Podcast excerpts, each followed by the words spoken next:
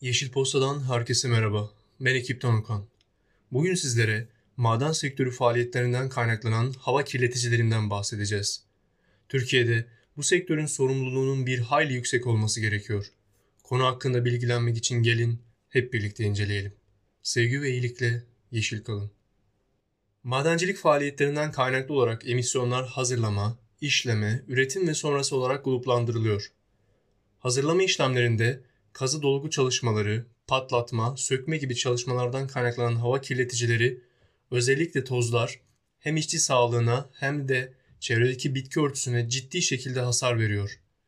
Tesisin işletme aşamasında gerçekleşen faaliyetler, azot oksit, kükürt oksit, karbon monoksit gibi çeşitli gazların salımına yol açıyor. Madenlerin bulunduğu bölge ve jeolojik oluşumuna göre az seviyede ağır metal de içerebilen yataklar bulunuyorsa, işlemler sonucunda bu ağır metallerin atmosfere yayılması mümkün olabiliyor.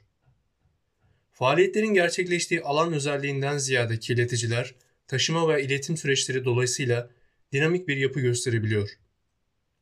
Elbette tüm bu proseslerin kaynaklı kirleticilerin önlenmesi ve azaltılmasına yönelik teknikler bulunuyor.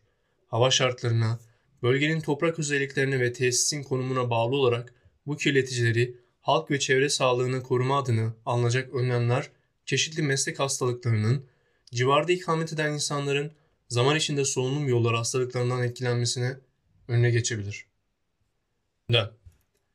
BirdLife International tarafından yayınlanan rapora göre tropikal mavi spix papağanın son örneği 2000 yılı civarında görüldü ve türün soyu tükendi.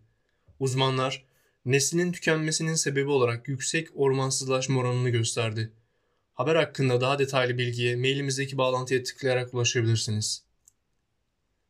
Ekipten öneriler Birleşik Krallık İş, Enerji ve Endüstriyel Strateji Bakanlığı tarafından hazırlanan rapordaki verilere göre kısa yolculuklarda araba yerine bisiklet kullanmak seyahat emisyonlarınızı %75 oranında azaltıyor. Orta uzunlukta mesafeler için araba yerine tren kullanmak ise emisyonları %80 oranında azaltıyor. İç hat uçuşları yerine tren kullanmak da emisyonlarda %84 azalmayı beraberinde getiriyor. Haberin detaylarına mailimizdeki bağlantıya tıklayarak ulaşabilirsiniz.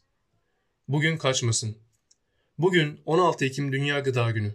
Birleşmiş Milletler Gıda ve Tarım Örgütü'nün kuruluş günü olarak kabul edilen bu önemli gün, dünyadaki açlık ve gıda güvenliği sorunlarını gündeme taşıyarak katkı sunma amacı taşıyor. Sevgili Yeşil Posta takipçileri, sevgi ve iyilikle yeşil kalın.